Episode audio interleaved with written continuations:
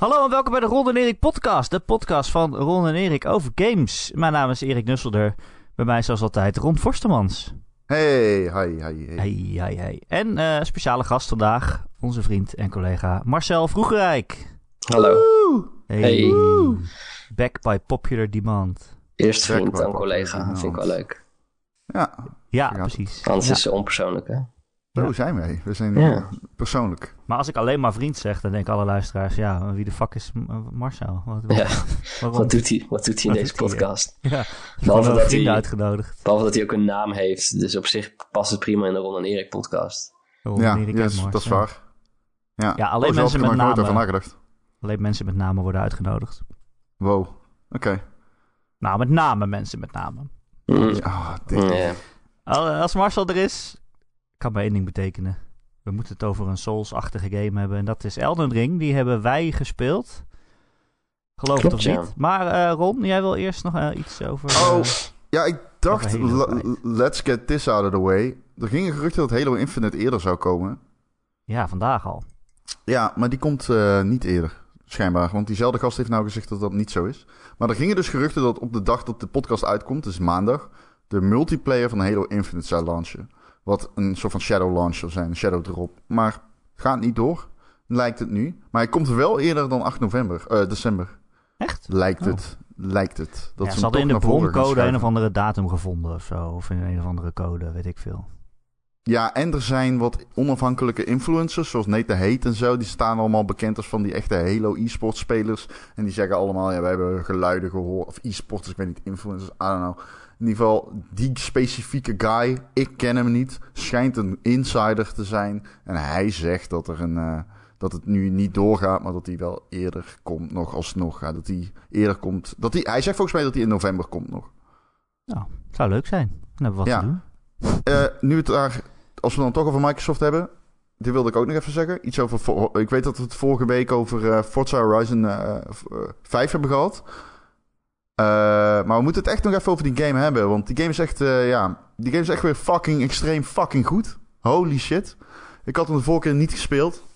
En ik denk dat ik hem door de se- setting nog leuker vind dan, eh, dan deel 4. En ik vond deel 4 al krankzinnig goed. Ik vond die echt krankzinnig goed. Ehm, het is echt hoe die game moeilijkheidsgraad afschaalt ook. Het is zo indrukwekkend. Er zit zo'n belachelijke hoeveelheid content in ook. En het voelt echt alsof die game... Ik weet niet. Het voelt alsof die game is gemaakt in een laboratorium of zo. Die game raakt de snaar bij mij, man. Dat wil je niet weten. Er, eh, er zit één missie in. Dan eh, in, ehm, in Tulum. Dat is zeg maar Tulum? stereotyperend mooi strandgebied in Mexico. Zou ik bijna zeggen. En ik weet niet, het is echt... Het is gewoon belachelijk mooi. Je gaat... Als je daar voor het eerst heen gaat in de game... Je hebt zeg maar van die hele corny events. Van die scripted events. Dat je het opneemt tegen een vliegtuig en dergelijke. En dit is er ook één van. En dan ga je tijdens een soort storm... Met zeer intense wind en regen en onweer... Ga je door de jungle. En dan begint het echt zeg maar orkaanachtig te stormen in de jungle. En daarna dan trekt het weg als je uit de jungle trekt. En dan kom je op die stranden. Die, op een OLED? Die game is mooi, hé?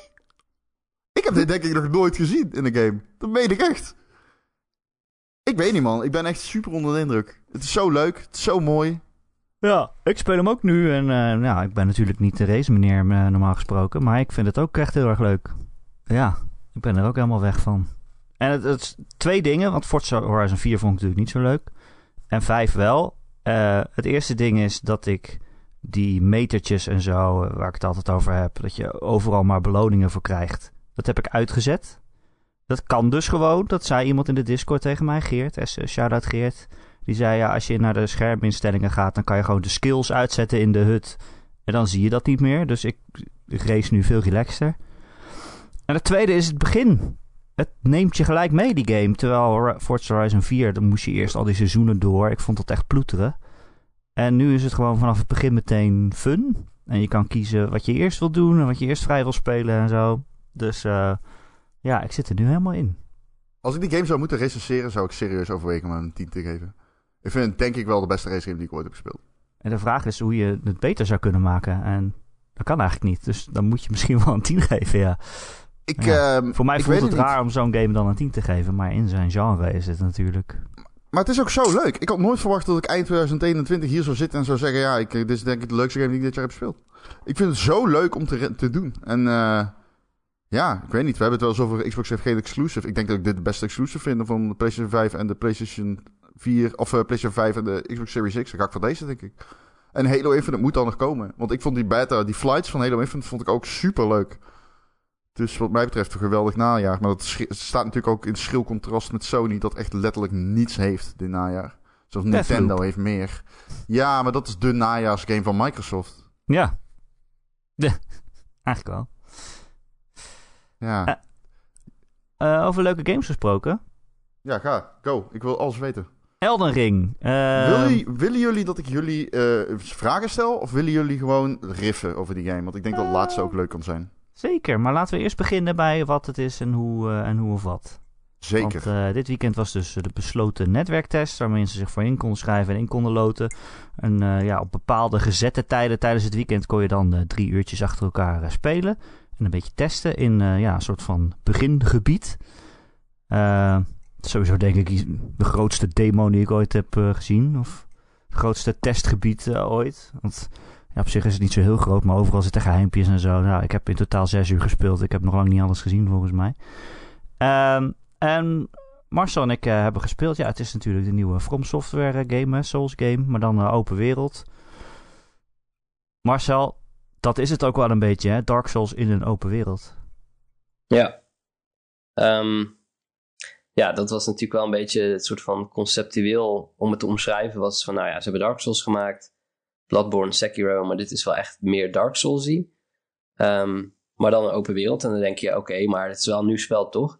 Nou ja, dat is het wel, uiteraard. Maar ze hebben wel echt hevig gebruik gemaakt van wat ze in het verleden hebben gedaan. Tot aan de animaties aan toe, zwaarden, ehm, bepaalde ma- eh, ja, magic attacks en wat dan ook. Eh, sommige vijanden zijn gewoon letterlijk overgenomen. Ehm, en als je dat dan hoort, denk je van, oh nou, dat, eh, wat, wat een luie ontwikkelaars, vreselijk. dat kan niet. Laten we daar een boze Reddit-post over gaan maken. Ehm, maar ik hoop, maar ik weet het nog niet zeker. Ook niet na, ik heb nu een uurtje of zeven gespeeld, denk ik, of zo. Wat ik hoop, is dat omdat ze daar niet echt veel tijd aan hoeven te, te besteden. Zeg maar niet dat ze dat gewoon van, vanaf het nulpunt moesten doen, zeg maar. Dat ze eigenlijk heel veel tijd hebben gehad om die grote wereld die ze dan gaan maken, ook echt op een goede manier, zeg maar, daar invulling aan te geven. Dus dat het niet is dat ze het laatste jaar van development nog denken van, oh ja, shit, we hebben ook nog, ja, we hebben ook nog wel sidequest-achtige dingen nodig. Er moet daar nog een grot komen. Kan iemand even een grot maken? Ja, pleur er maar iets in. Eh, maakt niet uit. Er moet een grot zijn. Doe maar wat. We kijken, kunnen er niet meer naar kijken. Het moet, het moet eh, af. Het moet gold zijn over een maand. Ehm, mijn hoop is dat ze juist de afgelopen jaren eigenlijk gewoon gebruikt hebben om te zeggen: we hebben de basis. Het beweegt zoals Dark Souls 3, grotendeels. En we gaan nu kijken, maar wat als je dat concept in een open wereld zet? Wat moet er dan veranderen? En daar gaan we gewoon ons volledig op toeleggen. Ehm, Hoe, eh, hoe groot is dat startgebied? Kun je daar iets over zeggen? Nou ja, ik, ik heb dus een uurtje of zeven gespeeld. En nou, ik heb, ik heb wel redelijk wat gezien, maar nog lang niet alles. En dit is nog maar, zeg maar, ik denk iets minder dan de helft van het eerste gebied. Want En de hoe andere is de helft is nog afgeschermd. Ehm, Oké, dus er zijn twee helften per e- gebied. Nee, nee, nee. De, de- dit, is, dit is gewoon deze helft. Is alleen maar voor deze test. Is het gewoon echt letterlijk met een invisible wall is het afgeschermd. Dus je rijdt op een gegeven moment op het einde van de map. Tenminste, het is niet het einde. Je ziet de rest gewoon, maar je kan niet verder. Eh, Ja, Dus ze hebben het met, gewoon echt met een lineaal gewoon een, eh, Ja. een, een, Ja, een basically, basically Ja. dat, ja.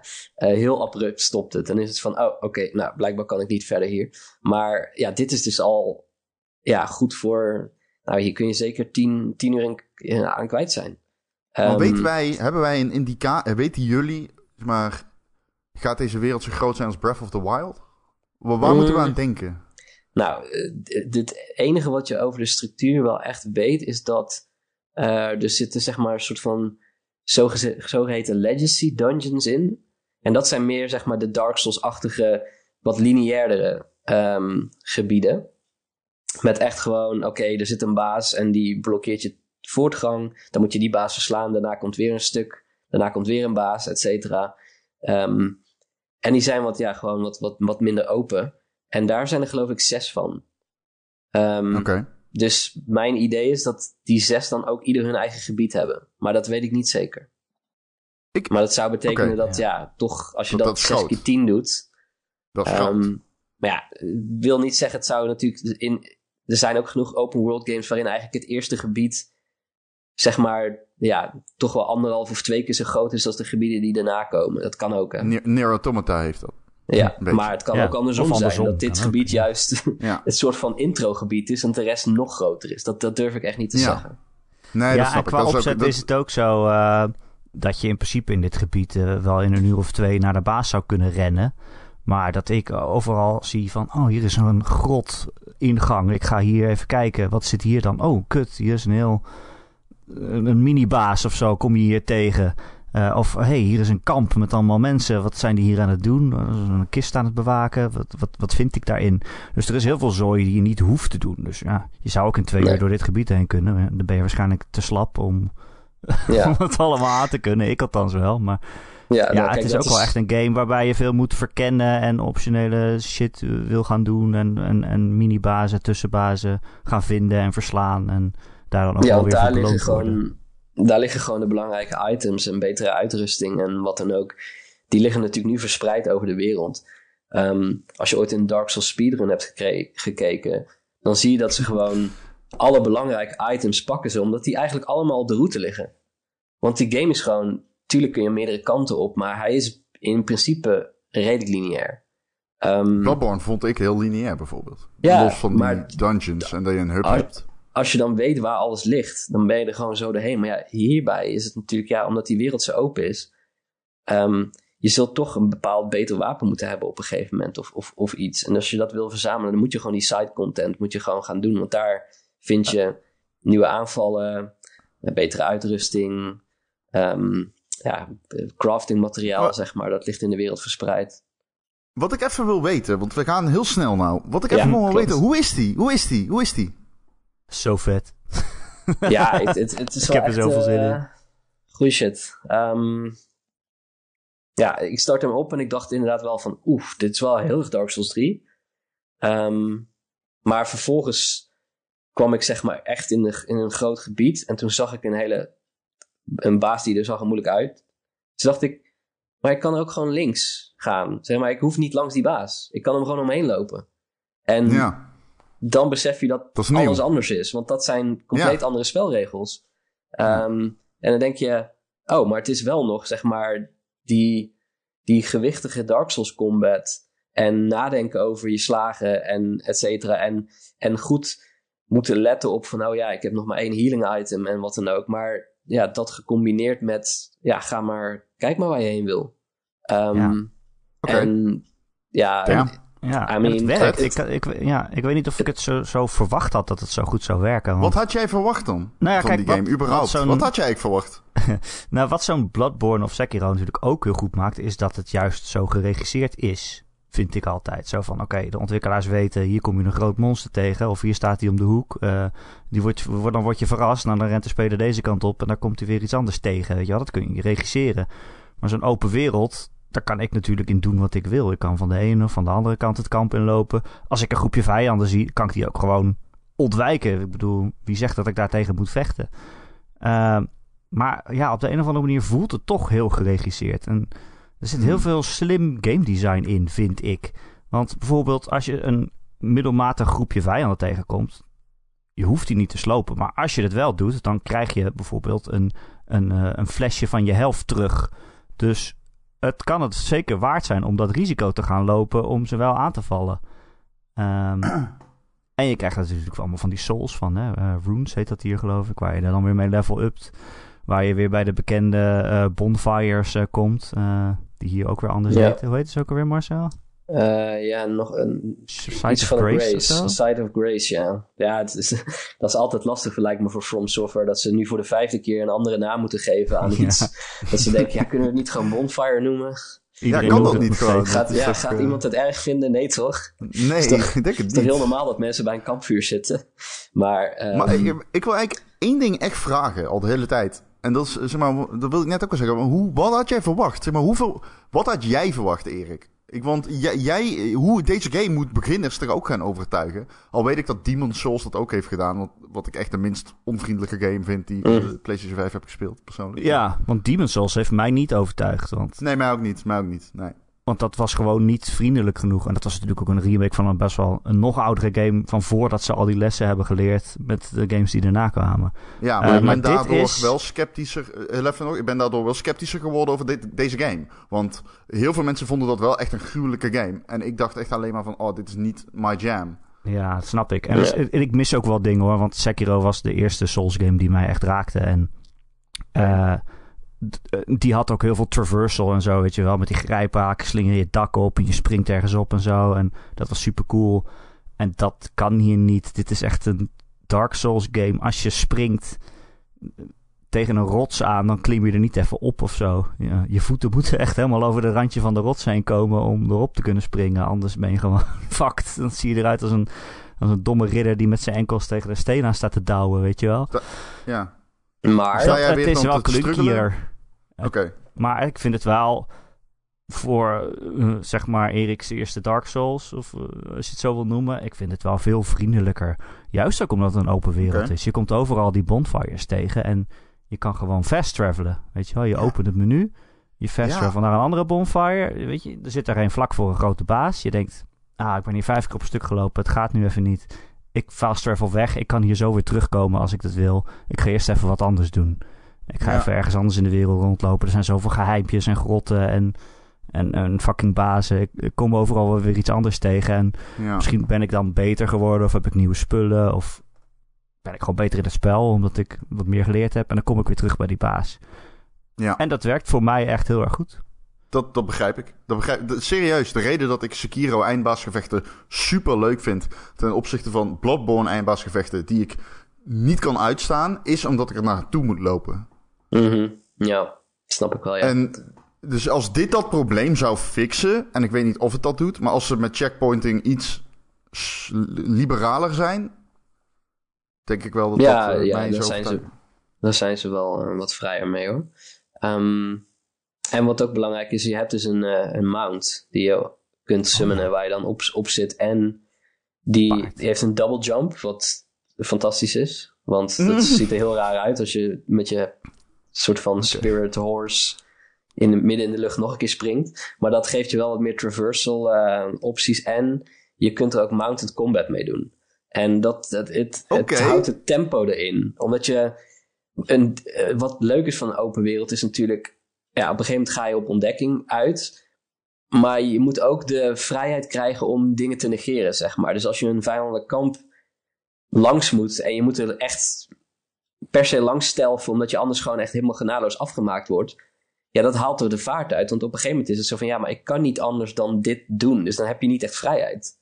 Nee. Maar met die steed, die, ja, je, je sprint er gewoon doorheen. En je springt gewoon eroverheen. En, echt en je zegt uh, doei. Uh, Kan, kan je eindbaasgevechten op je paard doen, denk je? Uh, er zijn wel wat bazen in de open wereld, zeg maar, die je op je paard kan doen, ja. Um, ah, dat is vet. maar in die dungeons, daar kan je je paard niet meenemen, helaas. Ah, oké. Uh, maar het, het, het houdt de vaart erin, want je kunt dus ook gewoon... Soms zie je gewoon een één losse vijand en dan rij je gewoon langs en dan, dan hak je hem gewoon neer. En that's it.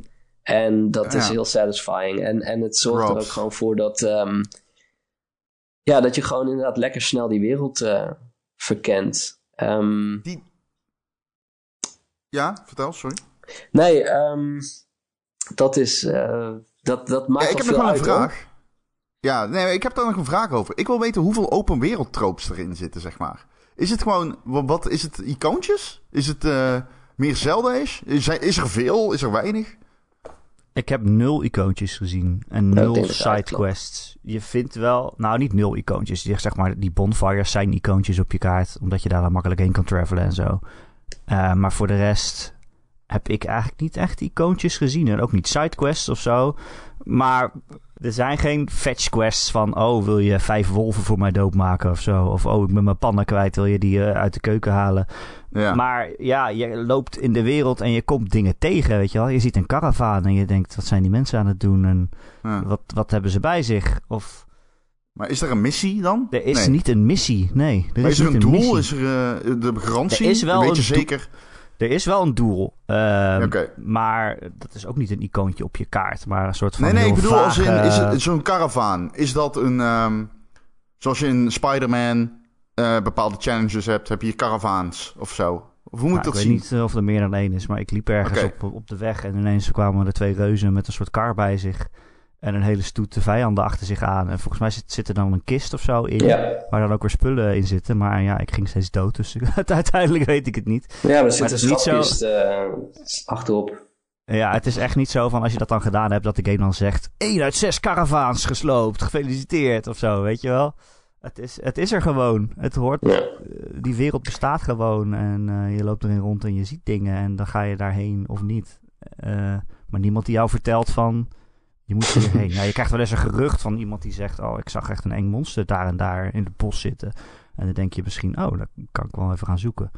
Maar ja, dat komt dan toch uit, je, uit jezelf. Ja. Ja, het enige is waar ik me nog zeg maar een beetje ehm, ehm, over twijfel, is dat er zaten best wel wat grotten in die game, waar je dan gewoon even, ja, wat zal het zijn, twee of drie ruimtes of zo met wat vijanden en daarna een baas. Hm. Ehm, maar ja, die bazen waren vooral iets groter monster met iets groter wapen.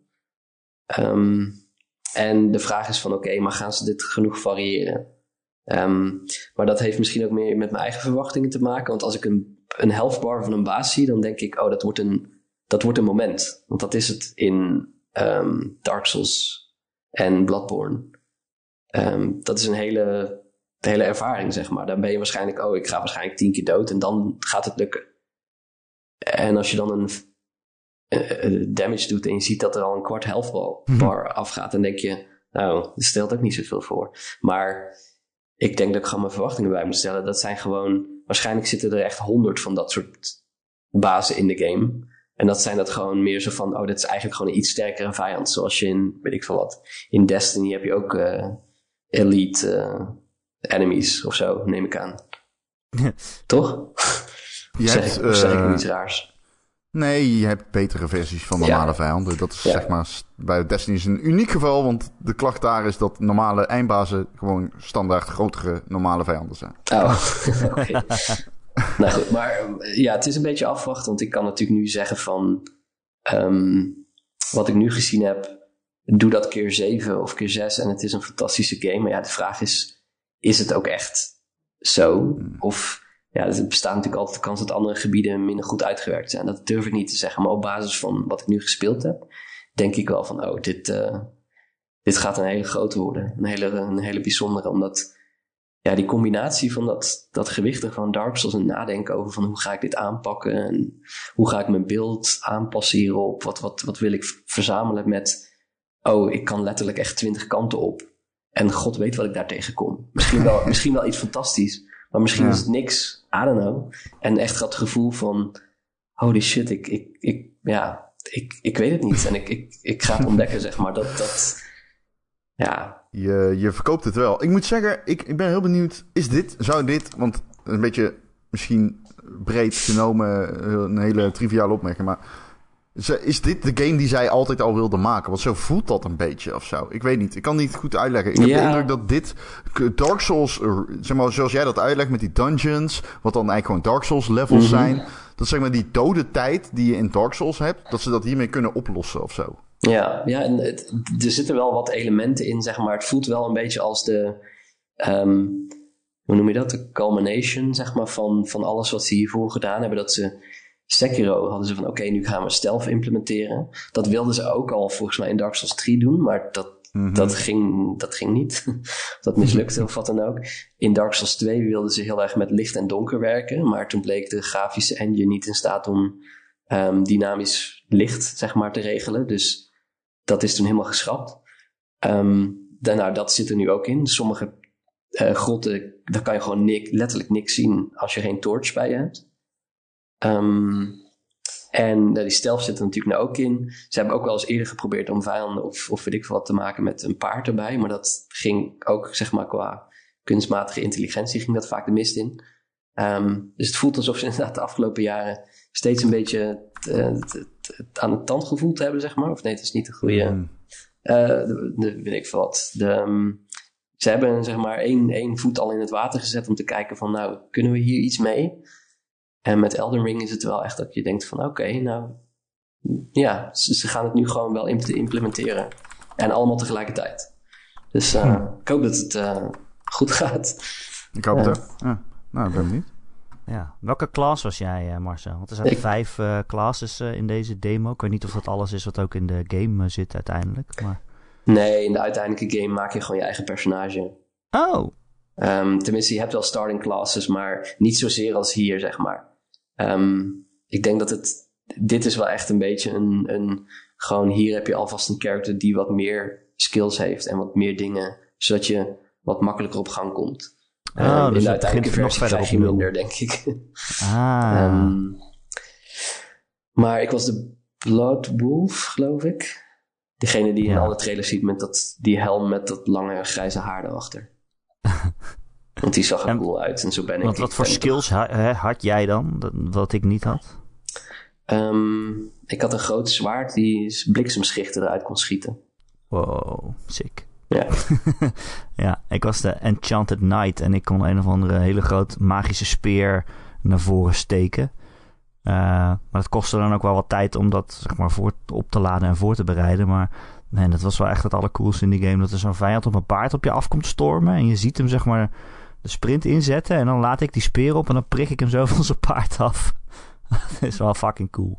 Mooi. Ja, Eh, ja deze, ik bedoel, je, je krijgt altijd weer de vraag van en is, is, deze, is deze wel toegankelijk?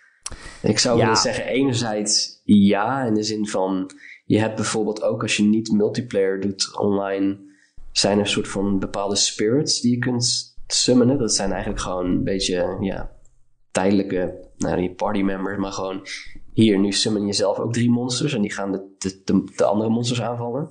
Ehm, ja, dat was wel sick handig. Ja, dat ja, dat, op het einde, dat kan eh, soms wel echt even. heel veel damage doen. Dat sommige gevechten echt triviaal worden. Ehm, Ja, maar ook gewoon... Mijn, ik zat bij zo'n tussenbaas en dan had ik drie wolven opgeroepen. En ze deden niet eens heel veel damage, maar ze leidden hem wel Ja. tijd af. Exact. Dus dat is toch een beetje alsof je met meerdere mensen speelt. En het kan gewoon heel erg helpen.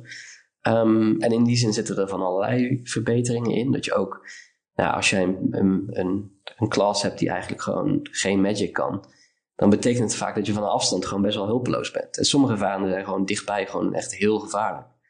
Ehm, maar omdat je dus ook van die wapenskills hebt, zoals zo'n inderdaad diegene die ik had, dat je een bliksemschicht kan schieten. Ja, dat, dat zit er wel echt meer in in deze game. Dat je eigenlijk iedere class wel een beetje van, van het andere ook kan. Zodat je niet compleet ehm vast zit als het op, op jouw tactiek niet lukt. Er zijn gewoon veel verschillende aanpakken. Klinkt Ehm, als Mass Effect.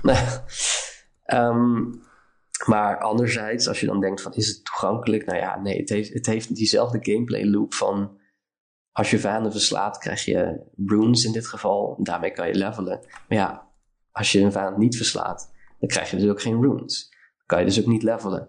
Dan op een gegeven moment kom je in een soort van negatieve spiraal. Dat je denkt, ik kan helemaal niks, ik vind niks.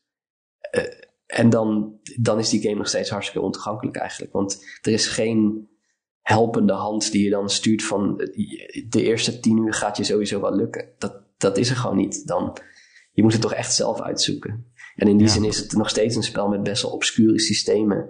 Die dan wel met tutorial prompts dit keer worden uitgelegd. Maar wel in termen dat je denkt. Dat Engelse woord heb ik nog nooit gehoord ergens, denk ik. Ik zou niet weten wat je, wat je zegt nu. Ik vind dat nog steeds het meest vreselijke aan deze games. Ook als wij, we hebben een paar uh, uurtjes co-op gedaan ook. Mhm. Als je coöperatief wil spelen, dan moet ik een summoning stone gebruiken. En dan moet Ja, jij een summoning pool Een maken. een curled finger finger of, of, eh, zo. Ja. En dan eh, moet jij mijn, op mijn eh, signal moet je drukken en mij oproepen. En dan moeten we allebei een paswoord invoeren, zodat we Ja. alleen maar elkaar oproepen. Terwijl ik denk, als je nou toch gewoon een toegankelijke game maakt, dan, dan zet je toch gewoon in het menu... Ik wil nu met Marcel spelen. Ja, maar Het is, waarom zo moeilijk? de compromis is dat er in het startmenu staat wel multiplayer. Ja. En dan klik je daarop en dan zie je vervolgens Krijg je 10 acht items. Allemaal verschillende vingers. Die zijn allemaal een andere naam. De ene is een bloody finger, de andere is een Oh. curled finger. En dan denk je, ik weet het alsnog niet. Nee, Dus nee. Ja. Verder is het nog steeds... Ja, die komt met wat je zegt. is nog steeds ontoegankelijk. Ik bedoel, ja, de eerste absoluut. vijand die je ziet als je die wereld inkomt...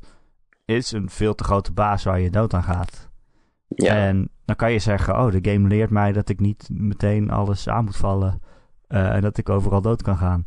Of als je, weet je, als dit je eerste Souls game is, dan kan je ook denken, oh, ik ben, ik ben net begonnen en ik ben nu al veel te slecht voor Mhm. het spel. En eh, dan leg je misschien de game weg. Ja. dat Terwijl is je wel dus eigenlijk risico, ja. om die vijand heen moet lopen en verder de wereld moet verkennen. En Ja. nou ja, ik ben na zes uur weer teruggegaan naar die, naar die dude. En toen heb ik hem helemaal doodgestoken. Dus eh, Collateral is- damage, toch? ik bedoel, dat moet je op de koop toenemen. Dat is nou eenmaal hoe die game gedesigned is. Ja, Ja. maar dat is niet toegankelijk aan zich. Nee, dat is niet toegankelijk. Nee, dit Ja. zijn, dat is die hele discussie van... heeft Dark Souls een easy mode nodig? Ja, ik denk dat het inherent is aan de gameplay en daarom niet kan. Maar binnen het ontoegankelijke is hij wel toegankelijker geworden. Ja, precies. Als je weet van, oh, dit Ja, is een moeilijke game bedoelt, die mij eh. af gaat straffen. Ja, Als je je daarop instelt, dan is het verder wel eh, het helemaal eh, naar je zin gemaakt om dat zo makkelijk mogelijk te maken. Ja, maar. Om heel vaak dood te gaan. als je dan weer gaat kijken naar die laatste baas die wij hebben gedaan samen. eh, die dus Ja. zeg maar de voortgang voor die eerste dungeon eigenlijk tegenhoudt. Die moet je verslaan, anders kun je die dungeon niet in. Die was ook met z'n tweeën aardig aan de pittige kant. Echt... En eh, toen dacht ik wel van, oké, maar misschien dat ze hem expres, ik weet het niet wat ze nog gaan tweaken, maar hij was wel even dat ik dacht, oh ja, het is wel echt nog steeds, het is nog steeds dit. Gewoon, dit is niet veranderd of zo. Nee, maar ja, ik vind dat ook wel weer leuk. Ja, dat hoort Ja. bij die game. Ik Ja, heb maar een half, een half uur op die baas stuk gelopen in mijn eentje. En op een gegeven moment ging je wel al die aanvallen herkennen en denken, Mhm. oh wacht, deze kan ik overheen springen en deze kan ik blokken en deze kan ik... Ja, en toen sloeg je Ja. ineens acht keer achter elkaar en toen dacht je, Ja, hmm, nu ben ik toch dood. Ja. ja, maar eh, Paul, ik ben wel hyped voor als die game uitkomt. ja, ah, zeker. wauw. Dat is toch zo'n mooie wereld en eh, Ja, dat, dat, dat wil ik ook nog even zeggen. Het is inderdaad... From Software staat natuurlijk bekend omdat ze van die ja, vieze, druilerige, deprimerende games maken. Nou was Sekiro al best wel een, een departure daarvan, zeg maar. Ehm, maar bij deze is het ook... Omdat ze dus die ruimtes tussen die dungeons en grotten en weet ik veel wat... nu daadwerkelijk op kunnen vullen... in plaats van dat ze allerlei heel erg ehm, dicht... eh, de gebieden met heel veel dichtheid. Van echt iedere meter staat er wel weer een vijand. En het is allemaal heel goed ontworpen, maar niet echt heel veel ruimte ertussen, zeg maar. Maar omdat dit een open wereld is, hebben ze natuurlijk... Ze hebben inderdaad ook gewoon een, een bos nodig. En wat Ja. bergen. En ik vind het fijn om te zien hoe zij dat maken, zeg maar. Dat ik denk, Ja. oh, het is ook wel leuk dat From Software ook een, een bos heeft ontworpen. In plaats van eh, een moeras waarin je doodgaat als je erin gaat staan. Eh, dus ik ben benieuwd wat ze nog meer voor, eh, voor Wanneer- natuurverschijnselen gaan, gaan doen. ja. Wanneer komt die eigenlijk? Begin februari, toch? 26, februari, 26 februari, dacht ik. Ja, het was 26 eerst, eh, februari. het was eerst januari en toen is hij nog een Ja. maand uitgesteld. Ah, ik vind nou. dat nu wel echt super kut, want als ik die game speel, denk ik van, oh, dit is echt een game waar Ah, je ja, echt er komt nog kwijt genoeg uit. Ja, Ja, maar daarom juist. Want als hij in januari komt, dan is hij in zijn eentje. ja Ja, maar ja, komt goed, joh. het voelt, Eind eh, februari sta je er misschien heel anders in. het voelt heel goed om in, die. Om in die wereld te zijn ook. Dus ik wil eigenlijk ook niet weg nu. Maar ja, de, de, Nee. de network test is al bijna voorbij. Tenzij ik morgenochtend om 4 uur opsta. ja, s'nachts. Ja, dat kan nog. Het kan nog. Wie weet. Maar- Hey, ik... Even iets anders. Ik wil nog één ding even zeggen. Ja. Nou, dan gaat niet over deze game. Maar dan, voor ik het vergeet, even heel snel. Die Nintendo... Want eh, de vorige keer was Thijs gast. En toen briesden jullie eroverheen. Ja, want dit is afgerond, toch? Of willen jullie nog iets zeggen over... eh, nee, nee, dat was het. Nee, we zijn hyped. Dat was het einde. Ja, nee, die zijn hyped. Nee, maar ik, de vorige keer, we hebben het daar niet echt over gehad, over die Nintendo, eh, ehm, die Nintendo 64 emulation. Hebben jullie er iets van mee? Hebben jullie dat getest? Hebben jullie er iets van meegekregen? Ik weet dat jij en Thijs het erover hadden, maar... Eh, ja, we hadden het erover dat eh, sommige dingen heel lelijk waren, toch? Ja, het is niet alleen lelijk. Dude, what the fuck zijn deze ports? Ik dacht, fuck it. Ik koop het gewoon. Yo, dat is slecht, hé? En ik zag, ehm, ik, ik weet niet man, ik zag wat mensen, ik zal geen namen, ik zag iemand zeggen van eh, dat het, eh, ehm, dat het, ja, het zijn ports, dus het is inherent. Maar even serieus, what the fuck? Hoe hard kun je de bal droppen?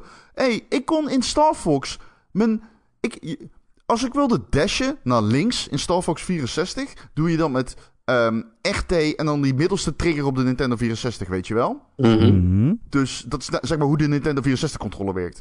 Maar dat eh, kan natuurlijk niet op een normale controller. Dus die hebben eh, de linker en rechter dash op de linker en eh, linker bumper en li- nee op de rechter bumper en rechter trigger gedaan. En dat Oh. kun je niet remappen. Die ports zijn zo slecht. Ik, nee, ik vind het echt. eh, ik bedoel, we kunnen het ook nog zo hebben over GTA. Ja, ik wou zeggen over de slechte ports gesproken. Alleen, holy shit, Nintendo. What the fuck? Dit is echt... eh, eh, de- they don't give a fuck. Like, er is... Ik snap niet, je hebt zo'n actieve Nintendo 64 modding community. Spreek ze even aan of zo. Weet je wel? In plaats van ze eh, eh, rechtszaken toe te sturen. Ja. Eh, probeer, eh, vraag gewoon eens, hey, hoe doen jullie dat eigenlijk zo goed? Oh, het is echt gênant, man.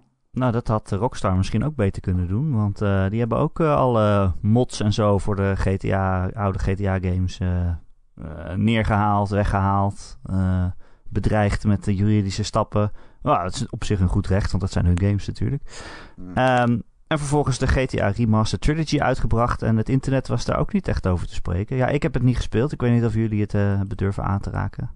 Nee. Ik ga het niet spelen. Nee, ik ga dit niet Voor spelen. dat, voor dat geld, ik heb, ik heb genoeg eh, filmpjes en wat dan ook voorbij zien komen dat ik denk van, sorry, maar wat, wat is hier gebeurd? En dus er zal ongetwijfeld, er zijn een aantal beslissingen genomen. Eh dus daar, daar zullen ideeën zeggen. achter zitten, maar Zo. poeh. Sommige dingen vind ik er Digital best mooi. Foundry. Sorry. Nee, ik wou zeggen, Ja. sommige dingen vind ik er best mooi uitzien. Maar ook Ja, er zijn ook. heel gekke personagemodellen met hele rare vingernagels.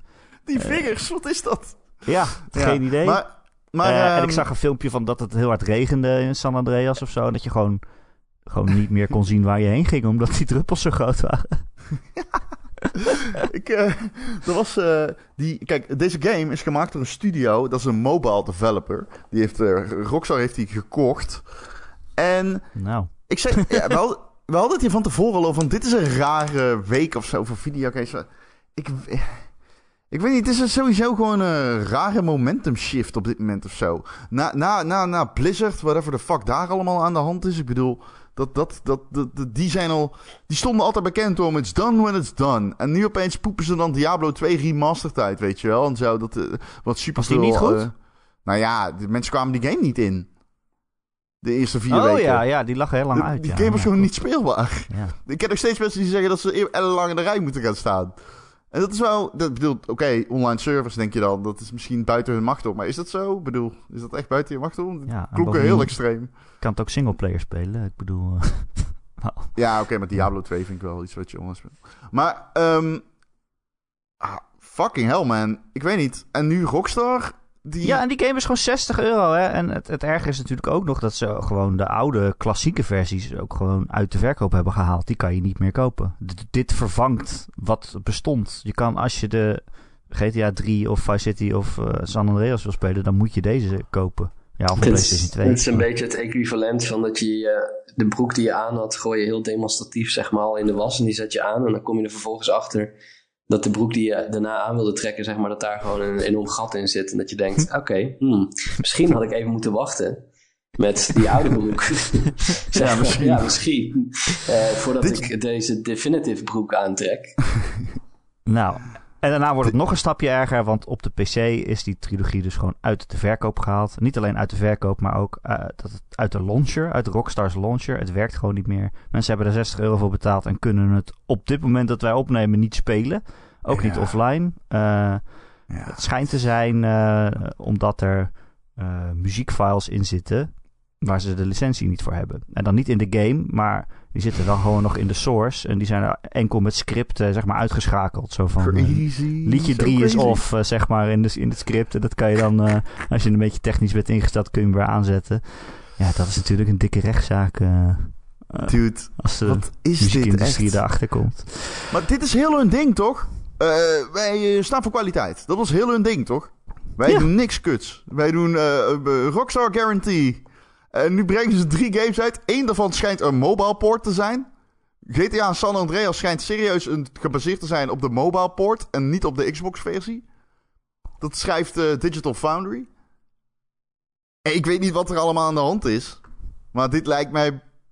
Ik weet niet wat ik al zeg. Wat is dit? Dit is toch niet normaal dat Rockstar opeens zo'n game... Moeilijk, willen ze hem weten? Want dit hebben ze geweten, hè? Dit hebben ze geweten. Zij wisten Ja. dat dit belachelijk was. Maar de vraag Dus is dan natuurlijk, ja, wie, wie gaat hierover? Ik bedoel, hè, die studio's die die games maken en zeggen wij maken alleen de allerbeste games, die zijn men nu met GTA 6 bezig. Die zullen ongetwijfeld weer een hele goede game maken. En wie zit daar dan? Is het dan Take-Two wat erboven zit? Die zegt, nou, we gaan deze geport eh, portstudio nu eh, GTA Trilogie laten uitbrengen. Dat eh weet Ja, ik ben, niet. ik ben wel echt, eh, ik wil daar echt wel een, hoe noem je dat? Zo'n postmortem van wat is daar, eh, Ja, wat is daar gebeurd? Wat is, wat is daar Kan afgesproken? wie heeft welke beloftes gemaakt? Hoeveel tijd is daarvoor ingerekend? Is het zo geweest dat een dag voor de release dat iemand dacht, oh kut, we hebben de, de hoe noem je dat? De belettering op de winkels, die, die is nog gewoon low res. Hmm, oké. weet je ja wat? en Ik- met ik typ- spelfouten. ik typ het wel even over met Times New Roman. Dat ziet toch niemand of zo. Ja, I don't know. Ik weet niet hoe, hoe is dit gebeurd, zeg maar. Waar, Dat waar- is, eh, er was zo'n gitaarwinkel of zo. En, eh, Ja. dan hebben ze iemand heeft het overgetypt en er zitten gewoon spelfouten in. Niet. Ja, Ja, maar het, is- Als het is- asset? Ja, ja. maar, Nee. maar het, is, het is bizar. Maar ja, Waar is die quality control van Rockstar? Eh, Hoe kan dat nou? Zij gaan helemaal prat op hun quality control. Wat is dit? Ja, Dat is echt het. waanzinnig. Sorry, ja. Wat wil je zeggen, Marcel? nee, nou ja, nee, ik weet niet, maar dit, dit, dit, is, ja, dit is wel echt een, ehm, misschien nog wel de ergste van, zeg maar, ja, Warcraft 3 was natuurlijk ook al rampzalig, maar, Oh, die bedoelde ik. Ik had het over Diablo 2. Ik bedoelde de Warcraft 3 ja, van Blizzard. maar die Ja. werkte, Warcraft 3, die werkte, die, die multiplayer werkte niet eens meer, toch? Of zo, of iets. Dan hadden ze al die, die, die oude de servers en dingen hadden ze gewoon afgesloten. Eh, Ja. Maar goed, dit, Komt- dit is natuurlijk, dit is dan weliswaar geen multiplayer, maar holy fuck. Ik heb... staat die game al op Game Pass, San Andreas? Ja. Oké, Ja. die ga ik waarschijnlijk wel proberen. Ik bedoel, San Andreas is een goede game. Ehm, oh shit, here we go again. Alleen, ik weet niet of ik zin heb om die game... Ja, ik, het is ook gewoon... Ik, ja, ik weet niet. Ja, ja, ik had liever gehad één GTA remake dan drie remasters. Ik, maar nu snap ik waarom ze dit hebben gedaan. Want blijkbaar wilden ze er geen tijd of moeite in steken. Nee. Ook gewoon alle volk is verwijderd, hè? Alle Terwijl- mist is gewoon weg. Terwijl Ja, maar is, dat, is dat niet gewoon omdat mist de, eh, vanwege het eh, minder ver weg hoeven renderen? Ja, maar zo'n game als San Andreas is wel ontworpen op dat het mist is. Die, eh, die, die map voelt super groot aan. En nu kan je ineens van het, van het dorp naar eh, de, de berg zien, weet je wel? Wat altijd super ver weg was. Eh, en nu zie je hem gewoon staan eh, aan het eind van de straat. maar dat is, dat is gewoon, dat is de, hoe zeg je dat? De pinnacle van onze technische vooruitgang is dat er geen mist meer hoeft te zitten in games. Ja. Dus op een gegeven moment krijgen we Silent Hill 2, de- alle mist eruit. Ehm, wat was het? Ocarina of Time zit ook geen mist meer in. in die, Nee. in die, eh, Maar het is helemaal niet meer sfeervol daardoor. Nee. Nee, maar dat, is- dat is het gewoon. Dan moeten we accepteren dat het gewoon... We, zijn technisch... Is het te vooruitstrevend. Het mist, dat gaan we gewoon niet meer doen. Kan gewoon niet meer. Het wordt gemist. Ja. Nee, maar het, het is gewoon... Ja, wat moet je hier nou mee? Dit is toch gewoon... Hoe ga je, dit, dit ga je niet meer fixen. Want in, in, het principe erachter... Zeg maar, dat het allemaal nu draait op de Unreal Engine, toch? Dat was wat ze Ja, hebben gedaan. Nou, Ja. Het idee daarachter dat ze dus bepaalde moderne effecten en dergelijke kunnen inzetten in een oude game. Dat kan ook heel goed uitpakken. Ik heb niet echt een, niet echt een voorbeeld paraat. Maar oh nee, het, Quake 2 hebben ze toch pas... ehm, hebben ze dat niet pas opnieuw uitgebracht? I don't know. Ja. Eh, een Quake. Ja, een. Quake. In ieder geval dat je inderdaad gewoon al die raytracing ineens in Quake ziet. Dat, die game is overduidelijk natuurlijk al super oud. Maar dat je ineens wel dat soort moderne effecten erin ziet. Dat kan goed gaan. Maar dit... Ja, dit is, dit is zeg maar het voorbeeld van hoe het gewoon... eh, Alle goodwill is ook gewoon weg nu. Hiervan, dit, dit ga je niet meer goed maken. Nee. Nee. Nee, ja, zeker als je al die modders eerst eh, achter de broek hebt Ja. gezeten. En, maar dan blijkt dat die modders ja, het gewoon beter kunnen dan wat jij uitbrengt. Ja. Anyway. Eh, Laten we het over een andere game hebben. Waar ik toch zeer benieuwd naar ben. En dat is Call of Duty Vanguard. Jezus, was ik serieus vergeten. Om, eh, vorige week hadden we het kort erover. Toen was je het verhaal net eh, begonnen. En toen eh, ja, was je, weet, weet ik veel, licht eh, gematigd enthousiast, geloof ik. Ik weet niet of ik enthousiast was op dat moment. Gematigd, je was gewoon gematigd. Oké, ik was gematigd alles. Inmiddels heb je ook op de multiplayer gestort. En dat is ja, toch en wel ik een heb de singleplayer beter, uit. ik, nu. En ik heb, de, en ik heb hem uit. Ja, de multiplayer is veel beter. Ik, vind, ik denk dat de multiplayer beter is dan Cold War. En ik denk dat de singleplayer vergelijkbaar is met Cold War qua kwaliteit. Ik vond die allebei heel erg slecht. Heel erg slecht, nee. Ik vind hem niet goed. Ik vind de singleplayer van deze nieuwe vind ik echt niet goed. Hij, hij duurt iets van 4, 5 uur. Hij zit sowieso dichter Och. bij 4 dan 5. Wat echt te kort is. Ze worden steeds die- korter. Ja, maar die game wil ook. ehm, die game wil ook allemaal dingen doen die die niet kan doen. En dat is echt zo tri- dramatisch om te willen. Om, om te zien dat ze dan. Ze hebben dan. Je bespeelt een team en dat. Dat infiltreert dan Duitsland om iets te stelen waarvan ze zelf niet weten wat het is. En dan worden ze opgepakt en komen ze in het gevangen te zitten met z'n vijven. En ja, het zijn allemaal hele extraverte mensen eh, en elite soldaten. En je duikt zeg maar, terwijl ze in het gevangen zitten, één voor één in hun geschiedenis. Dus het is een soort van, ehm, ja, het zijn allemaal losse avonturen die ze aan elkaar rijgen. Met dan als kapstok, je zit alle vijf gevangen en je moet degene die jou gevangen heeft, moet je killen en je moet die documenten stelen. Want uiteindelijk blijken dat dan documenten te zijn. Maar dat doet, doen ze dan in vier uur. Ja, als je dan echt zo'n team, als je dan ervoor gaat en je wil al die personages uitbouwen en die chemistry laten zien en die dynamiek tussen die personages laten zien. Dat is er gewoon, dat, dat ze proberen dat wel, maar je weet niet wie wie is. Want na vier uur weet ik nog steeds amper wie wie is natuurlijk. Het is gewoon Call of Duty, ik ren gewoon doorheen. Ik kijk het wel, maar ik zit daar niet, oh dat is Johan. Ja, ja, ja, oh ja, nee, die snapt dat natuurlijk wel van zijn verleden als Russische major. Ja, nee, dat, eh, dat snap je? Dus dat, dat komt totaal niet aan. Ehm, er zit wel wat in qua singleplayer wat ik leuk vind. Je speelt op een gegeven moment een, ehm, een Russische major. Nou ja, ze is geen. Je speelt gewoon een, Russische vrouw. En eh, met haar doe je ehm Stalingrad aan. Alleen dan niet Stalingrad. Of Stalingrad, hoe je het ook wilt noemen trouwens. Ehm, zoals je het kent. Hè, kapot gebombardeerd. Bezet met Duitsers vol sneeuw. Maar dan in de zomer. En iedereen is vrolijk. Het is super gemoedelijk. En eh, die missies zijn een beetje geïnspireerd op eh, die eh, Russische major. die in het Rode Leger. die volgens mij 309 mensen doodschoot. Met haar sluipschuttersgeweer. Ik- Liat Mila Pavlichenko. If you want to Google it. Ehm, maar het is gewoon verder. Daarna dan, dan, dan, dan ga je met haar. Die missies zijn heel leuk, zeg maar. Die zijn heel interessant. Dan zie je dat contrast van Stalingrad. Want je ziet ook ervoor dus, maar je ziet ook daarna. Maar verder is het zo saai en plat. Het komt totaal niet. Ik zei de Fokker ook al. Er zat één missie in. Dan liep ik door Japan. En er kwam, of eh, ik weet niet. Ik liep in ieder geval ergens in de Pacific volgens mij. En er rennen vanuit alle hoeken rennen Japanners op je af met bajonetten. Ja, echt een van de slechtste missies die ik ooit gespeeld heb, denk ik. Je je bent gewoon continu bang van... Oh, ik kan op ieder moment doodgestoken worden, maar ik weet niet waar het vandaan komt. Dus zelfs op casual is het gewoon super kut. Eh, multiplayer is veel beter. Ehm, die is gewoon lekker snel, dom knallen, eh, vermakelijk. En eh, gewoon goed genoeg. Eh, super hectisch. Je kan hem zo hectisch maken als je zelf wilt. Je kan de, dus je kan de grootte van de teams aanpassen. Je kan Search and Destroy 10 tegen 10 spelen. leuke maps. Heel veel maps zitten 20 maps in. 16 voor de core. 16 maps voor de core modi, zoals Team Deathmatch en Search and Destroy. En dat werkt. Het is, het is gewoon een indrukwekkend aantal maps die allemaal leuk zijn. En dat is oh. vrij zeldzaam in Call of Duty. Zitten altijd wel een paar maps tussen waarvan je denkt... Ah, niet, nou, niet, ah. Maar deze is oké.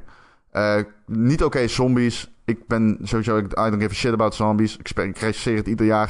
Ik steek er uren in. Dit keer heb ik er denk ik drie uur in gestoken. Was ik er compleet klaar mee. Er zit bijna geen content in. Ehm... Los van het feit dat die hele zombies-modus onnavolgbaar is geworden voor mij. Er zitten allemaal references in naar vorige zombies-modus. En ik hm. weet niet, ik heb echt de indruk dat ze deze modi gewoon alleen nog maken voor mensen die alleen deze modi spelen. Omdat voor mij is er in ieder geval geen touw meer aan vast te knopen. Uh, maar die, die hele modus heeft echt een content update, uh, update nodig. Want uh, je, je, doet zeg maar verschillende gedeelten van één map aan via een hubwereld. En um, die, al die gedeelten van die maps die lijken allemaal superveel op elkaar. de vijanden lijken op elkaar. Ze hebben gewoon te weinig tijd gehad voor die modus. Modus wordt wel gemaakt door Treyarch. Zal vast goed worden, want zij zijn de bedenkers van zombies. Maar uh, verder uh, stelt het, uh, is het waarschijnlijk de slechtste zombies die ik ooit gespeeld heb, denk ik. maar goed, ja, het ze hebben ook alsof van die drie pilaren er eigenlijk één goed is. Dat is zo. Dat is precies wat het is. Ze hebben drie pijlers en die andere twee hebben ze omgeshopt. Al moet ik zeggen, die singleplayer, ik heb me er wel mee vermaakt. Maar dan moet je er niet van uitgaan dat ook maar de enigszins de potentie die ze erin hebben gezien toen ze het hebben proberen te ontwikkelen, dat die eruit gehaald wordt. Want dat is gewoon niet zo. Um, ik moet zeggen, kijk, als totaalpakket is het wel op papier heel indrukwekkend. Maar zoals je al zegt, uiteindelijk valt er dan best veel af. En het wordt dan nog gekoppeld met Warzone, wat altijd raar is. Als je nu naar het hoofdmenu gaat van Call of oh Duty, dan zie je vier games. Namelijk Modern Warfare, die je trouwens gewoon moet kopen als je die nog niet gespeeld hebt en je wilt dom knallen. Koop gewoon Modern Warfare, de beste game in de afgelopen drie jaar, uh, als je Call of Duty wilt spelen in ieder geval. Um, want Cold War uh, en deze qua singleplayer, multiplayer en uh, zombies. Oké, Modern Warfare had geen goede co-op, maar die andere singleplayer en die multiplayer zijn veel beter. Um, maar die zie je dus langs elkaar staan nu en dan zie je ook nog los Warzone. Um, wat. I don't know, man. Ik, ik weet niet. Call of Duty is zo'n. Is, uh, deze game blijft verkopen, toch? Dus dit gaat ook weer ja. uh, miljoenen, miljoenen verkopen. En Activision die gaat uh, niet stoppen met het maken van deze game. Alleen, um, ik denk een jaartje zo. zet ze even met z'n drieën bij elkaar een jaartje. En uh, maak een Uber game. Je maakt je meta world, metaverse game. In, uh, dat, dat gaat, gaat er toch heen. Ik bedoel, dat is wat ik zeg in het hoofd van nu staan ze met z'n vieren naast elkaar. Dat gaat er toch worden. Dus uh, hè, dan, kun je, dan kun je daarna zeggen... Dan heb je en een hele goede Call of Duty... en iedereen die 5 euro per maand betaalt... die kan hem spelen voor de rest van zijn leven. Klaar. Ja, een abonnementmodel. Ja. Game Daar gaat alles heen. Hoef je eigenlijk alles heen. niet meer die hele zooi te recenseren tegelijkertijd. Ja, want ik, word, ja, ik word er niet... Ik word er niet scheidsziek van, want ik vind het echt hele leuke games of zo. Ik hou van Call of Duty, dus hey, ik kan alleen maar zeggen of dit deel goed of slechter is dan de vorige. Verder vind ik ze super leuk. Maar het lijkt me ook bijna onmogelijk om dit als een product, als één ding te zien. Want die zombies, die multiplayer en die singleplayer, dat zijn gewoon, als ik het zo hoor, drie dingen die echt bizar weinig met elkaar te maken hebben. Dus ja, dat klopt wel een beetje. Ja, hoe ga je dat dan hoe ga je dat dan um, recenseren als één ding? Ja, I don't know. Ik bedoel, er zijn inderdaad genoeg mensen die denken: ik koop dit voor de zombies en dat vind ik prima. Die singleplayer ja, kan gestolen worden, of die multiplayer. Terwijl iemand anders denkt: van, ja, ik wil gewoon een goede singleplayer. Precies, dude. Dat is het.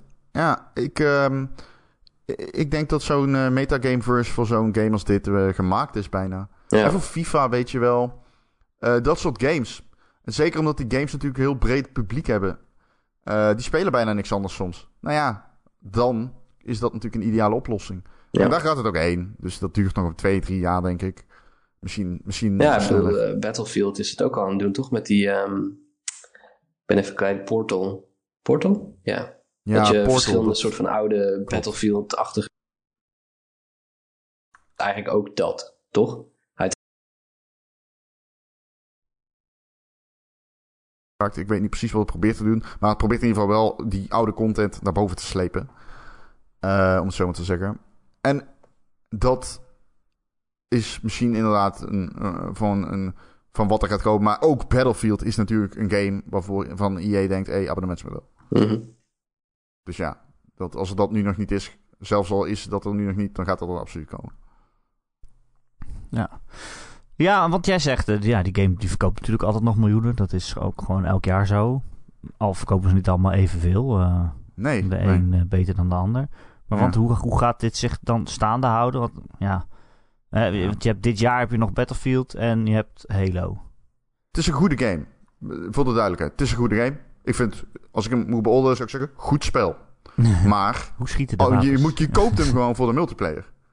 Maar die multiplayer heeft met zijn maps en zijn gameplay genoeg te bieden. Maar je koopt hem daarvoor, dat moet je weten. En die singleplayer is vermakelijk, at best. En dat, dat, dat heb je dan. En de zombies, ja, I don't give a shit. Die hele zombies modus, die, eh, als die morgen eruit gehaald wordt à la Rockstar, dan vind ik het prima. Ehm, maar hoe gaat het zich dat staande houden? Ja, ja, ik denk dat dit gewoon heel goed gaat verkopen ten Ja. opzichte van Halo Infinite en die andere. Maar ik denk, Eh, Battlefield. ik denk dat ze wel eh, creatief een persberichtje moeten schrijven van oké, hoeveel... Als we al het, kort- als we al, eh, weet ik veel wat, het karton en de verzendkosten en het plastic, als we dat ook meerekenen als opbrengst, dan kunnen we de misschien... best verkochte Vanguard game ooit. Ja, precies. Ja. Sinds eh, 26 uur. En dan kunnen we twee uurtjes extra tellen. In plaats van 24 uur. Misschien kunnen we dan toch een record halen. Guys, ben ik, super, ben ik te positief gesteld als ik denk dat deze game gewoon weer super goed gaat verkopen? Nee, ik denk het ook. Ik denk echt dat, het, dat dit gewoon echt Ja, een verkoopsucces wordt van je wel. Ik zit, er, ik zit er niet meer genoeg in om zeg maar een goede indicatie te kunnen hebben van of dit nou populair is of niet. Ik zou het echt niet de weten. vorige, volgens mij de top drie games van de PlayStation 5 van het eerste jaar na launch die gespeeld zijn, is één Fortnite en twee Call of Duty. Hm. En dan drie, volgens mij FIFA 21. Ja, maar dan komt Ja, er dat een ging om het dat aantal ineens, uren, hè? Ja. Dat dat ineens, dat kan ineens heel erg instorten. Dat kan altijd. Zeker, dat eh, roep Maar ik goed, in een andere zal- podcast van Reshift. Uh, Powerpraat roep ik dat al een tijdje. Dit gaat misschien wel niet lang meer goed. En dat geldt voor heel veel van die games. Dat geldt voor de FIFA's van de wereld. Dat geldt voor de Battlefields. Dat geldt voor de Call of Duty's. Ik denk niet meer dat het allemaal heel erg lang goed gaat. Ik denk dat Call of Duty de meeste kans heeft om het te overleven. Maar zo'n Battlefield en eh, FIFA...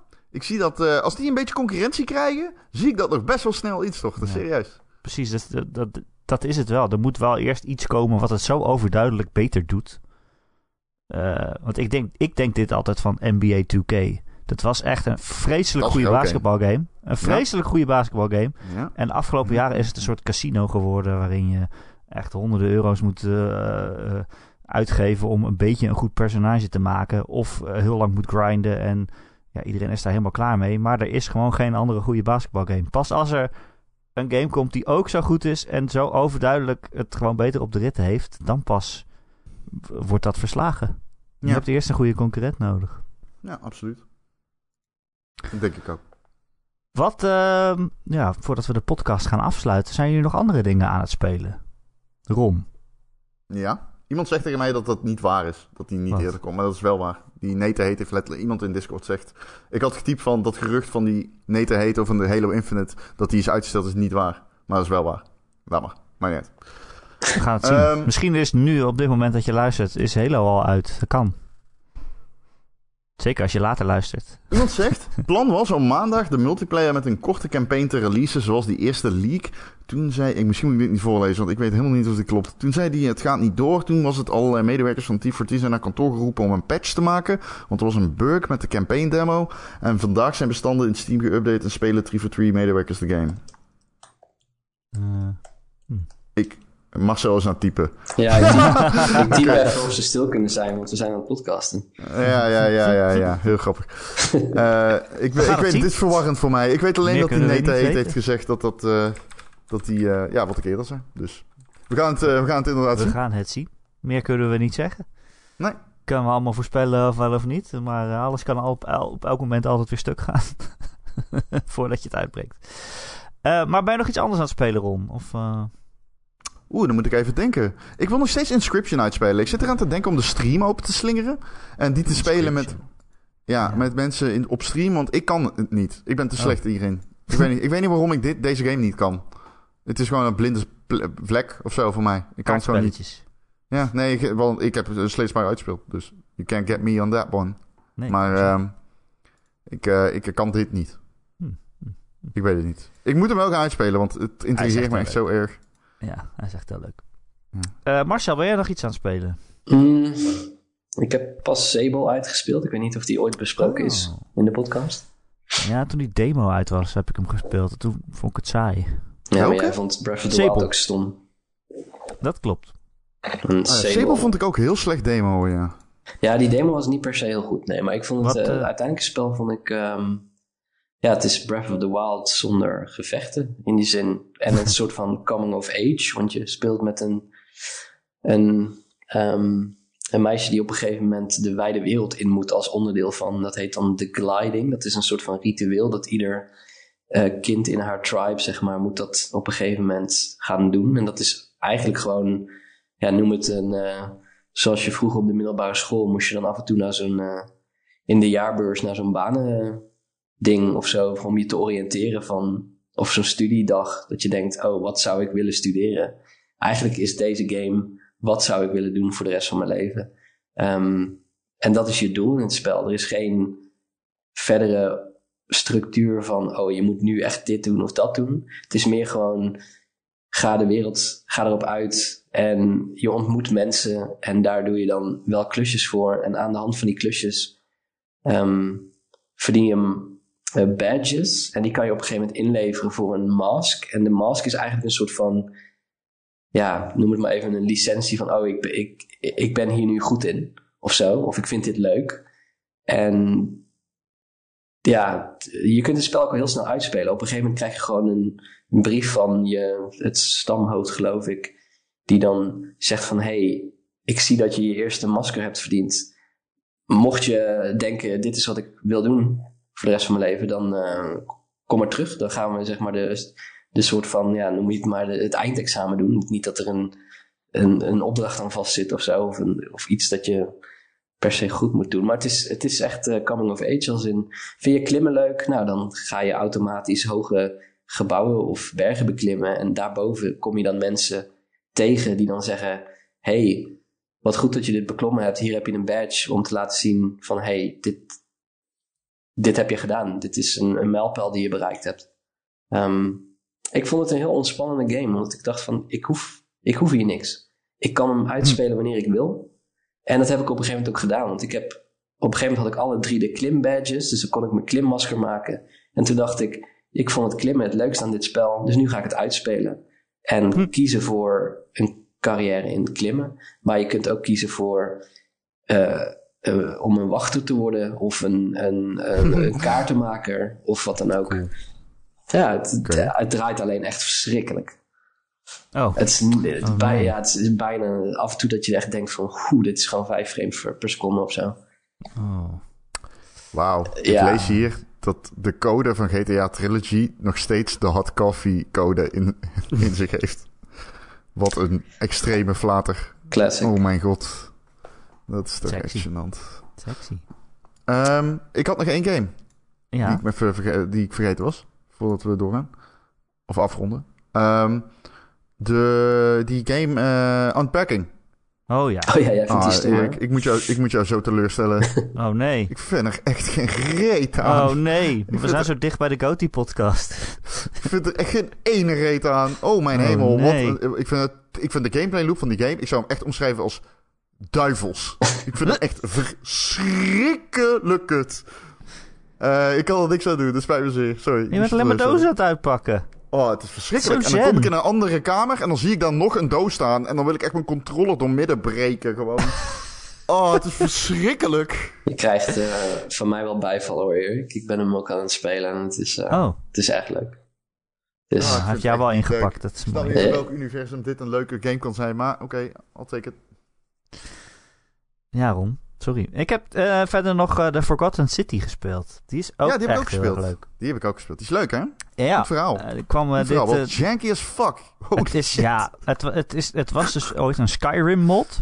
En die was zo Ja. goed dat hij ook zelfs prijzen won en zo. En dat ze er nu een aparte game van hebben gemaakt. Ehm, En hij is inderdaad heel erg goed geschreven. Maar het is nog steeds Skyrim. dus hij is echt janky. En eh, het springen is kut. En eh, het zit op de verkeerde knop en zo. En eh, met mensen praten, dan draaien ze zo heel langzaam om. En dan dus je kunt het spel uit Skyrim halen, maar hoe haal je Skyrim uit het spel? je haalt Skyrim er niet uit. Maar het is wel echt een aanrader, want ja, het is toch niet echt een game met heel veel combat of zo. Je bent eigenlijk alleen maar met mensen aan het praten de hele tijd en een beetje puzzels aan het oplossen. Want het is uh, een uh, time loop game. Ja, die hadden we dit jaar nog niet gehad natuurlijk. Uh, maar je gaat 2000 jaar terug in de tijd en dan kom je in een Romeinse stad. En daar blijk je te zijn opgeroepen omdat iemand de Golden Rule gaat breken, een gouden regel. En dat houdt in dat als iemand in die stad zondigt, dan gaat iedereen dood. Dus iedereen moet boeten voor de zonde van één iemand. Uh, en ja, jij wordt terug in de tijd daarheen geroepen om uh, ja, te ontrafelen wie dat dan is en hoe dat gestopt kan worden en waar die regel eigenlijk vandaan komt en zo. En je denkt het is zo simpel, maar ja, je gaat met iedereen praten en iedereen heeft zo zijn eigen problemen. En ja, en elke keer als je dan aan het eind van de dag bent, dan wordt die regel dus inderdaad gebroken. En dan begin je weer opnieuw aan het begin van de dag. En dan heb je allemaal nieuwe informatie over wat ze allemaal tegen je verteld hebben. Maar ja, zij hebben geen idee dat jij dat weet. Uh, dan kan je al die informatie weer inzetten om het raadsel op te lossen. En ja, ik wil het eigenlijk verder niet spoilen, maar dat verhaal is echt heel erg leuk. Heb jij hem uitgerond of niet? Nee, ik ben. Uh, ja, je moet. Dus je, je kan, ja, je kan spoilen, dat moet je niet Ja, doen. je kan spoilen. Uh, ik heb hem niet uit. Ik ben... Ik ga hem ook niet meer uitspelen, want dan haal ik niet vanwege de Coty podcast. Ah, hij is niet zo lang. Hij is acht uur. Hij is niet zo. zo lang, hè? Hij is acht, acht? uur, denk ik. Oké, okay, dan ben ik... Oh, maar dan ben ik wel veel verder. Maar alleen als je goed de hele dag gespeeld. dat ben ik niet. dus dan... Uh, ja, nee, dan, uh, dan uh, doe ik er waarschijnlijk iets langer over. Nee, ik denk dat ik vier uur, vijf uur, zoiets. Oh ja, nou, dan ben je al een heel eind. Als je ja, en ik wil hem ook wel uitspelen vanwege de... Ja, het verhaal. Het is heel leuk, ja. Ja, het is echt cool. Weet je wat ook een leuk verhaal heeft? Ik voel hem al aan. Dat ga je niet zeggen, toch? De Ron en Erik podcast. Elke maandagochtend een nieuw verhaaltje. Als je je abonneert via allerlei podcast apps en feeds, dan komen we elke maandagochtend gratis je oren binnen. Uh, en als je dat ergens doet waar je ook een recensie achter kan laten, zoals uh, Apple uh, Podcast, heet het zo? Ja. Ehm, dan zouden wij dat heel fijn vinden, want dan zijn we weer beter vindbaar voor nieuwe luisteraars. Nou, als je een vraag hebt voor ons, dan kun je die stellen aan, aan mij via erik.gamer.nl, erik met een k.gamer.nl, of je komt gezellig in onze Discord. en die link die vind je elke maandagochtend op gamer.nl in het artikel waar deze podcast ook in staat. Uh, ja, er zitten meer dan 300 luisteraars inmiddels uh, gewoon gezellig een beetje met elkaar te chatten. Heel vaak samen te spelen ook. Soms ja. gepland, soms gewoon spontaan. Zeker. We gaan binnenkort uh, Forza doen. We hebben een ja. Forza Horizon 5 club trouwens. Die heet Nee, jij bedankt. Die heet Nee, jij bedankt. En de afkorting is Roer van de Ronde Nerik. Dat krijg je dan zo'n tag voor je naam als je erbij hoort. En, en dan ben je super ja. Ik weet verder ja, doe ik volgens mij Super handige tag. Echt goed, goed verzonnen. Dat is, nergens aan denken zijn de roergangers. Ja. Um, wil je meer van Ron en Erik, dan kun je ons steunen via Patreon. Patreon.com slash Ron en Erik. Voor een klein bedrag in de maand krijg je dan elke week een extra podcast. En uh, als je nog, nog hogere tier gaat zitten, dan word je zelfs vriend van de show. Dan krijg je een gele naam in de Discord. En dan verdien je een bedankje hier. En dat is, uh, geldt dit keer voor Bertje Fris, voor Bonswa, Christian, De Wokkel... Dozen Faces, uh, Geert, Grecchio, Marky Mark, Mick, Mr. Mime. Dus jij wil natuurlijk ook een bedankje aan Mr. Mime rond, toch? Uh, ja, zeker. Ik blijf, blijf ongemakkelijk, maar zeker. Mr. Mime heeft ook een berichtje gestuurd toen hij lid werd. Die zegt, uh, ik luister inmiddels al een jaar met veel plezier. Ik kan niet genoeg krijgen van Eriks woordgrappen en Rons, Rons random woede aanvallen. Uh, daarom heb ik een account op Patreon aangemaakt. Hij zegt: PS, de beschuldigingen van Ron in mijn richting zijn nooit bewezen verklaard. Ik stond gewoon altijd op het verkeerde moment in de verkeerde jas bij de verkeerde school. Kan gebeuren, Ron. Nou, lullig dat jij daar zo de nadruk op legt. Uh, Shoutouts ook voor Recreator, uh, voor Sven, voor The Rock, The Killing Bean, Tijn en zijn vrouw en natuurlijk Wesley Day. Allemaal uh, bedankt. Dikke, dikke shoutouts. En natuurlijk ook bedankt aan uh, Marcel. Ja, zeker. Ja, ik ga het niet, ik ga het niet zeggen. Ja, het, Dat ik, ga ik ik, wel. ga het, ik ga het wel zeggen. Nee, jullie bedankt. Oké. Hey! Nee, jij bedankt. Ja, thanks. En Ron, Nee Ron ook weer. leuk. Dit klonk even heel deprimerend. Het klonk wel, het ik- een ik- duistere ik heb- Dark Souls twist Ik heb, deze. eh, ik heb dat stuk over Call of Duty. Ik zat op mijn telefoon, maar ik vond het alsnog moeilijk door te komen. Het ging, het ging aan het begin ook over Forza Horizon. Toen zei Ron, ehm, ik weet niet... Ik weet niet meer wat je zei. Nou, dit is een goed, goed stuk dit. Forza is echt leuk. Ja, ik vond heel leuk. Ik hou ook niet van racen. Ja. Dat Dus leuk. Ik denk- maak gewoon Denk screenshots. buiten je, denk buiten je, je ik maak gewoon screenshots van horizon. dat mijn auto Treed door de buiten je horizon, Marcel. Mhm. Word gewoon lid van de roerclub. Ja, Misschien. Maar ik denk dat zo'n. Call of Duty stuk is ook beter door te komen als Ron gewoon vertelt hoe die wapens schieten. Dat heb ik nog, weet ik nog steeds niet. Het zijn echt wapens, wapens Oké. deze keer. Ze hebben echt, eh, ze schieten. Alright. Pam. Nou, eh Ron ook weer bedankt. Ja, ja. En eh, Pam, tot, pam. vol- tot volgende week. Zo gaan ze. Tot de volgende week.